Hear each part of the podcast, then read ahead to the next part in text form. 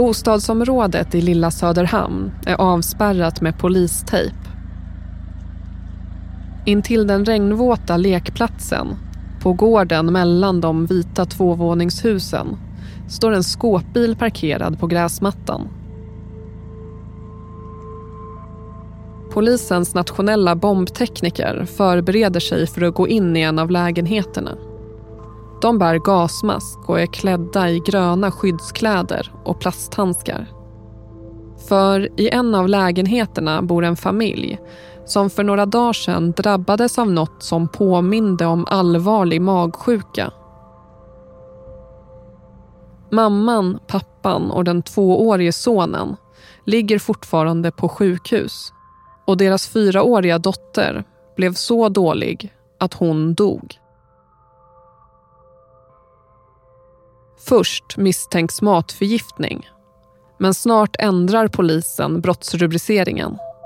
Vi har omrubricerat det här ärendet från eh, vållande till annans död till mord istället. Och anledningen till detta det är att, att vi misstänker att det är någon form av yttre påverkan som, som ligger bakom. Vad är det egentligen som har hänt familjen? Det kommer att gå månader innan det kommer fram vad som har gjort dem i familjen sjuka. Men fortfarande återstår frågan. Varför?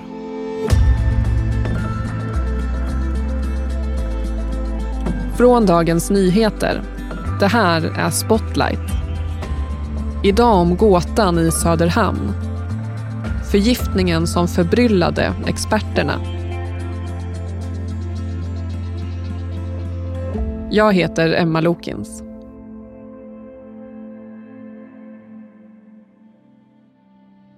Det är ett fall som eh, väcker stort intresse och eh, det är ett mysterium.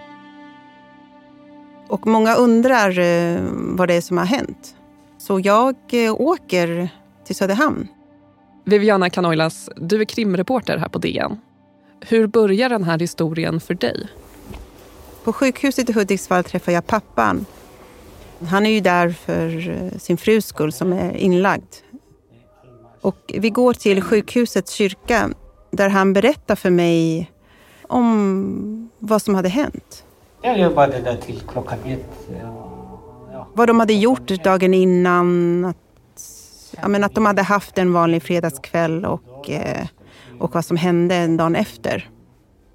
Ja, den här historien börjar fredagen den 13 oktober 2023 vid lunchtid. Föräldrarna i familjen det handlar om är på Dollarstore i Söderhamn, norr om Gävle. Mannen har precis slutat jobbet och de ska uträtta lite ärenden inför helgen. Jag köpte kläder till henne i min prinsessa. Jag köpte fältstormekläder. Jag bytte kläder också.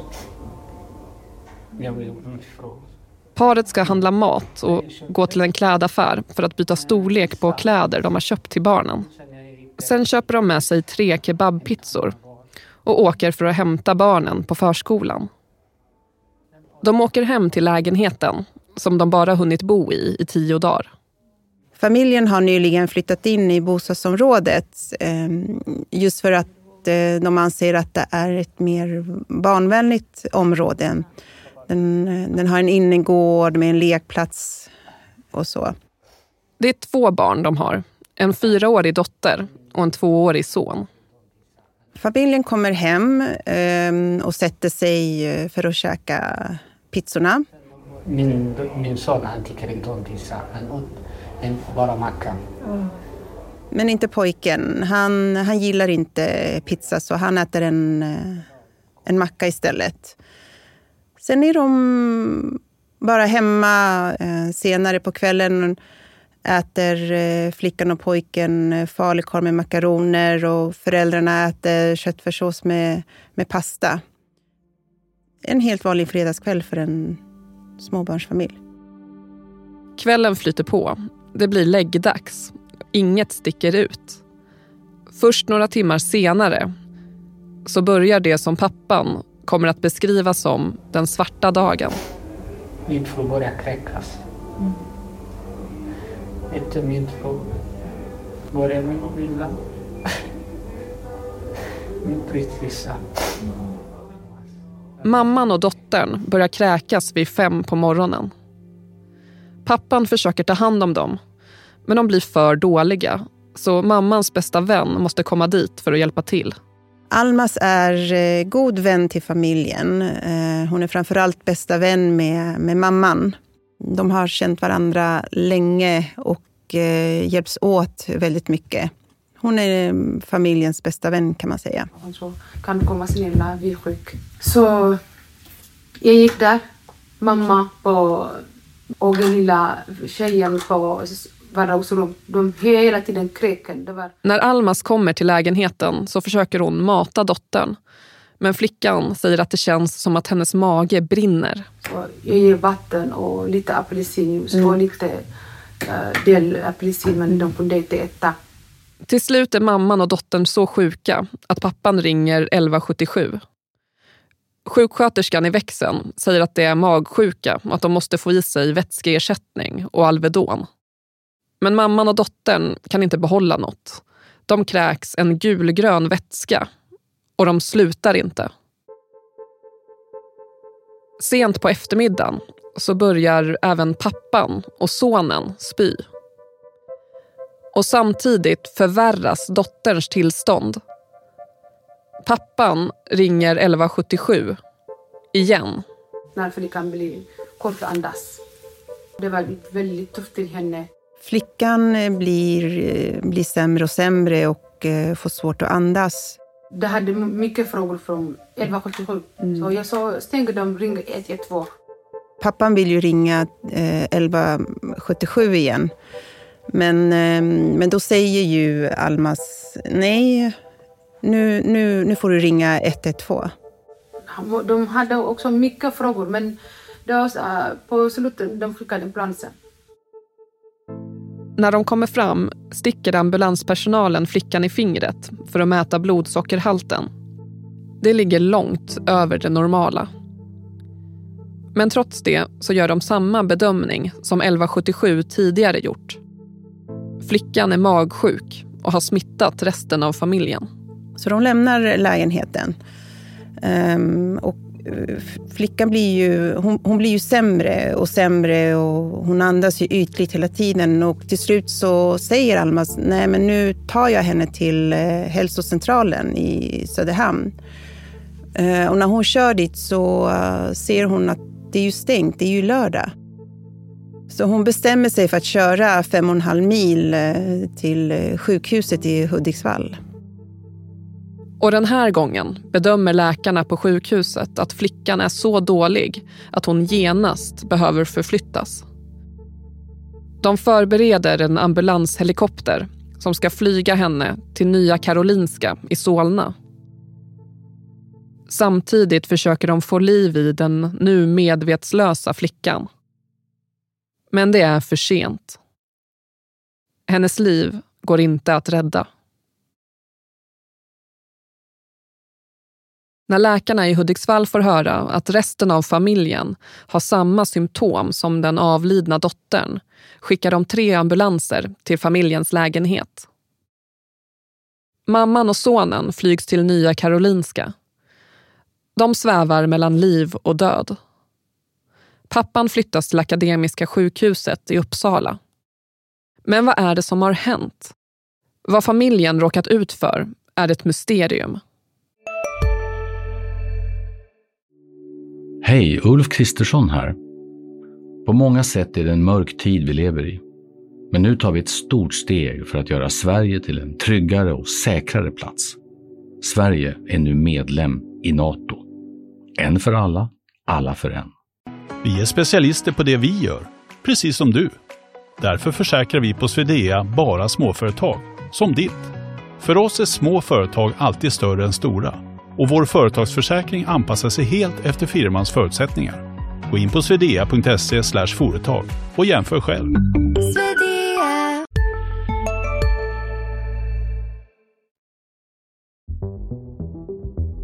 Vad det är som ligger bakom det tillstånd, det vet vi i nuläget inte. Vi har inlett en förundersökning om vållande till annans död. Efter några dagar kan pappan lämna sjukhuset i Uppsala. Han har ju lämnat en berättelse om vad han vet och det är ju klart att den har ju, har ju vikt och ju värde för den här fortsatta utredningen. För mamman och sonen är tillståndet dock fortfarande kritiskt. Mamman ligger i koma och vårdas i en hjärt-lungmaskin som sköter hennes andning och blodcirkulation.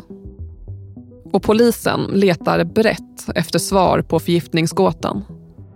Den första teorin är att familjen har fått i sig någonting via maten. Att det är eh, pizzan. Men, men, men det utesluts eh, rätt snabbt eh, eftersom pojken, han, han åt ju inte av pizzan. Har ni någon aning om vad som kan ligga bakom det här? Nej. Svampförgiftning, är det någonting som kan vara rimligt i det här läget? Bilden som patienterna uppvisade vid ankomsten till sjukhus har inte talat för att det skulle vara en svampförgiftning. Frågorna kring vad som har hänt med familjen med de mystiska magsymptomen är många. Dagarna går och varken läkare eller polis kan förklara omständigheterna. Men under tiden mamman och sonen är kvar på intensiven så ändrar polisen plötsligt ärendet till en mordutredning. Polisen utreder nu händelsen med de mystiska magsymptomen i Hudiksvall som misstänkt mord. För eh, polisen går ut med och säger att de tror att det är någon form av yttre påverkan eh, som har lett till att familjen har insjuknat. Och då skickar eh, polisen det nationella bombskyddet. Och där i lägenheten så undersöker man eh, om det finns kemiska eller biologiska ämnen i lägenheten. Nationella bombstyrkan är här. Hur kommer det sig? Utifrån att vi inte vet vad, vad för ämne vi ska hantera så måste vi lägga så att vi har en arbetsmiljö. Så att, och den profession inom, inom vårt verk så är det ju nationella bombskyddet som har den. Har det funnits någon risk för grannar? Nej, vi ser det nog som en isolerad händelse. Och eh, senare så undersöker man även eh, familjens bilar. Vivi, du börjar nu ha regelbunden kontakt med åklagaren. Vad kan han säga om hur utredningen går? Åklagare Christer Sammen säger att han är ju väldigt förtegen om detaljer om vad eh, polisen letar. Men han säger ju att man, att man letar efter spår. Efter spår som, som man kan analysera och se vad är det som har gjort så att familjen insjuknade. Och för att lösa mysteriet börjar polisen leta efter liknande fall utomlands.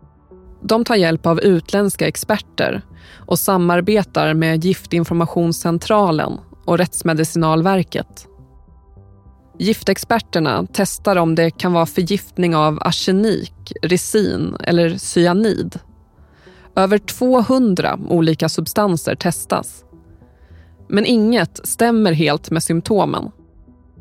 Och åklagaren, Christer Sammens, väntar också på svaret för att kunna komma vidare i sin mordutredning. Är det någon i familjen som misstänks? I det här läget har vi ingen anledning att göra det. Finns det någon misstänkt? Ja, I övrigt så vill jag nog inte kommentera det. Jag får inga svar utan eh, jag får ju veta att Christer Sammen är väldigt frustrerad över att det tar så lång tid. Det har ju hållits förhör med ett flertal inblandade personer.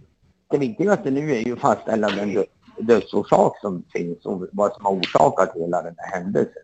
Samtidigt så förstår han ju att, att, att det är svårt att hitta eh, svar på någonting som eh, verkar vara väldigt ovanligt. Det här är ju väldigt unikt. Giftexperterna börjar jobba enligt uteslutningsmetoden.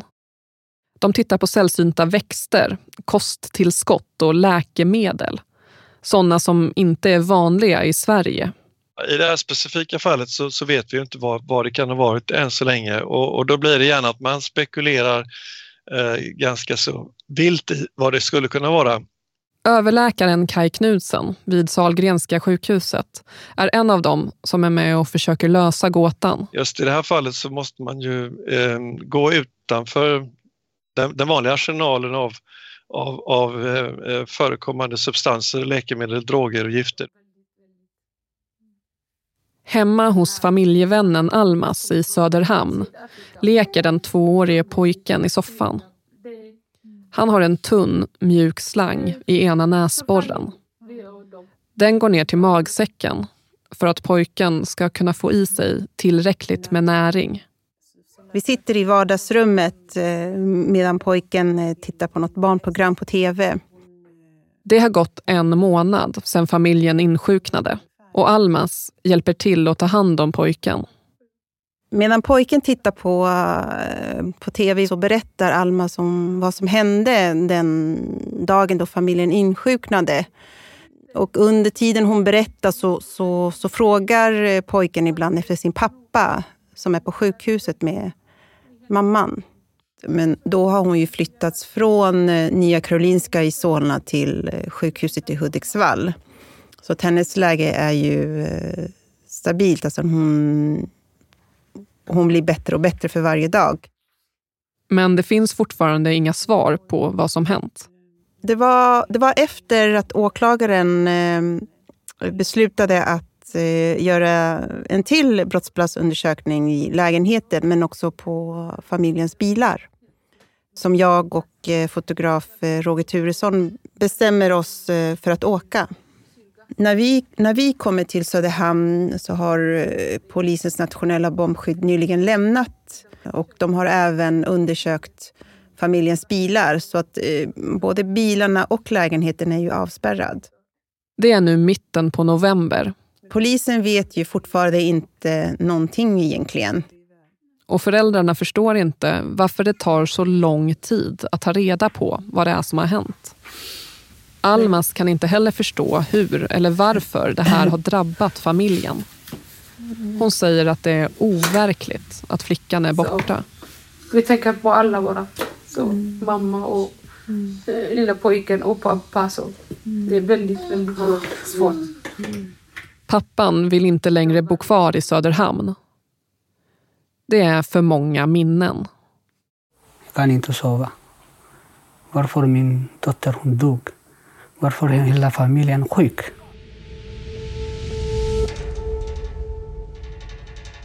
Ja, hejsan Christer, det här är Viviana, reporter på DN. I början av februari så ringer jag Christer Sammens. Ehm, jag har ju ringt honom nästan eh, varje vecka för att liksom höra om han har fått svar. Och han brukar eh, ja, men ofta säga nej, jag har inte fått något svar. Men den här gången när jag ringde så, eh, så var han lite tyst lite tystare än, än vanligt. Och, och då anade jag, nej men nu, nu har du fått svar. Hej, Synoptik här. Hos oss får du hjälp med att ta hand om din ögonhälsa. Med vår synundersökning kan vi upptäcka både synförändringar och tecken på vanliga ögonsjukdomar. Boka tid på synoptik.se. Ni är med om det största. Och det största är den minsta. Ni minns de första ögonblicken och den där blicken gör er starkare. Så starka att ni är ömtåliga. Men hittar trygghet i Sveriges populäraste barnförsäkring. Trygg Hansa. Trygghet för livet.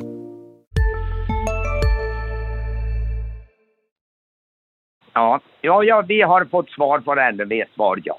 Då sa han ja, men jag kommer inte säga om vad det är? Jag kan inte säga någonting om vad svaret innehåller och vilka uppgifter som finns i detta svar. Mm. Okay. Finns det misstanke om brott nu när du har fått svaret? Ja, svaret i sig har väl inte förändrat utredningsläget annat än att, ja, självklart har vi ju fått ett avgörande svar som en bekräftelse på kanske vad vad som har misstanken har funnits om tidigare. Ingen är för närvarande angiven som misstänkt i det här ärendet utan nu får vi ju nu då så att säga vad svaret nu kommer att leda till det återstår ju att se. Det går ju inte att ha någon avgörande bestämd uppfattning om det just nu. Nu, nästan fyra månader efter att en familj förgiftades svårt i Söderhamn har åklagare Christer Sammens fått svar på vad som orsakade förgiftningen. Det här rapporterar Dagens Nyheter. Efter att jag hade pratat med, med Christer Samen så ringde jag eh, Almas för att höra om hon, eh, om hon visste det här eh, att, att åklagaren hade fått svar. Och då, då sa hon nej, hon visste ingenting och familjen visste inte heller. Så det kom ju som en överraskning för dem med. Utredningen har stått stilla i väntan på analyssvaren men nu ska utredningen vara igång igen. Brottsrubriceringen är fortfarande mord men än så länge är ingen misstänkt i ärendet. En vecka senare kommer det ändå ut vad det är för ämne det handlar om. Det var den giftiga gasen fosfin som används som bekämpningsmedel som förgiftade familjen i Söderhamn och som orsakade den fyraåriga dotterns död. Fosfin. I rumstemperatur är ämnet en färglös gas. Enligt vissa med en svag doft av vitlök. Enligt andra rutten fisk. Om vi pratar om fosfin generellt så kommer symptomen inom eh, timmar efter exponeringen. Erik Lindeman, läkare vid Giftinformationscentralen, är den som kommer på att man ska testa för fosfin. Det kan börja med någonting som liknar en magsjuka. Fosfin är ett bekämpningsmedel. Man använder det mot råttor och skadeinsekter. Till exempel i containrar med spannmål en av så att säga, de tilltalande aspekterna med det som bekämpningsmedel är att det försvinner av sig själv ur miljön. Så att om du till exempel använder det på, i en container då kan du sätta igång den här fumigeringsprocessen när skeppet lämnar hamn. Men sen när det kommer fram till nästa hamn och du öppnar containern, då är det borta. Fosfin är vanligast i Asien och Mellanöstern men förekommer faktiskt just nu i en utredning i Storbritannien. Där dog en tioårig flicka 2021. Hon hade andats in fosfin som polisen misstänker kom från en granne som ska ha använt ett bekämpningsmedel mot vägglöss. I Sverige behöver du ett personligt tillstånd för att få använda preparatet. Så när svaret i Söderhamnsfallet kommer blir också experterna förvånade. Jag har jobbat med förgiftningsfall i över 40 år. Jag har aldrig stött på ett sånt här fall tidigare.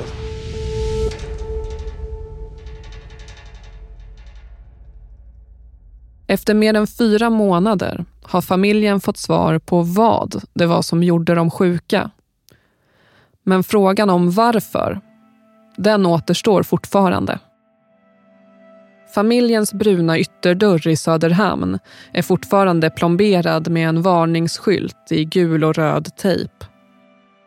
Utredningen kring hur och varför familjen fått i sig fosfin pågår fortfarande våren 2024. Brottsrubriceringen är fortfarande mord. Men man vet inte om det handlar om ett brott eller en olyckshändelse. Mängder av frågetecken återstår. Familjen har ju återhämtat sig från den här förgiftningen och alla är hemma. Ehm, de har ju flyttat, de bor ju inte kvar i Söderhamn längre. Pappan säger att det finns för många mörka minnen. Från den här svarta dagen. Mm. Jag har mycket minnen där. Mm. Om jag är tillbaka där, jag har mycket minnen. Mm. När jag pratade med pappan så sa han ju att han inte ville bo kvar i Söderhamn på grund av alla minnena. Um, deras dotter är ju död. Du har lyssnat på Spotlight med mig, Emma Lokins. Gäst i dagens avsnitt var Viviana Canoilas, krimreporter på DN. Producent var Sabina Marmelakai vill du komma i kontakt med oss som gör podden? Mejla till spotlight Ljudtekniker och slutmix Patrik Miesenberger. Vinjetten är komponerad av Patricio Samuelsson. Ljudklippen i avsnittet kom förutom från DN, från Sveriges Radio, SVT, TV4 och Xnytt. Ansvarig utgivare för Dagens Nyheter är Peter Wolodarski.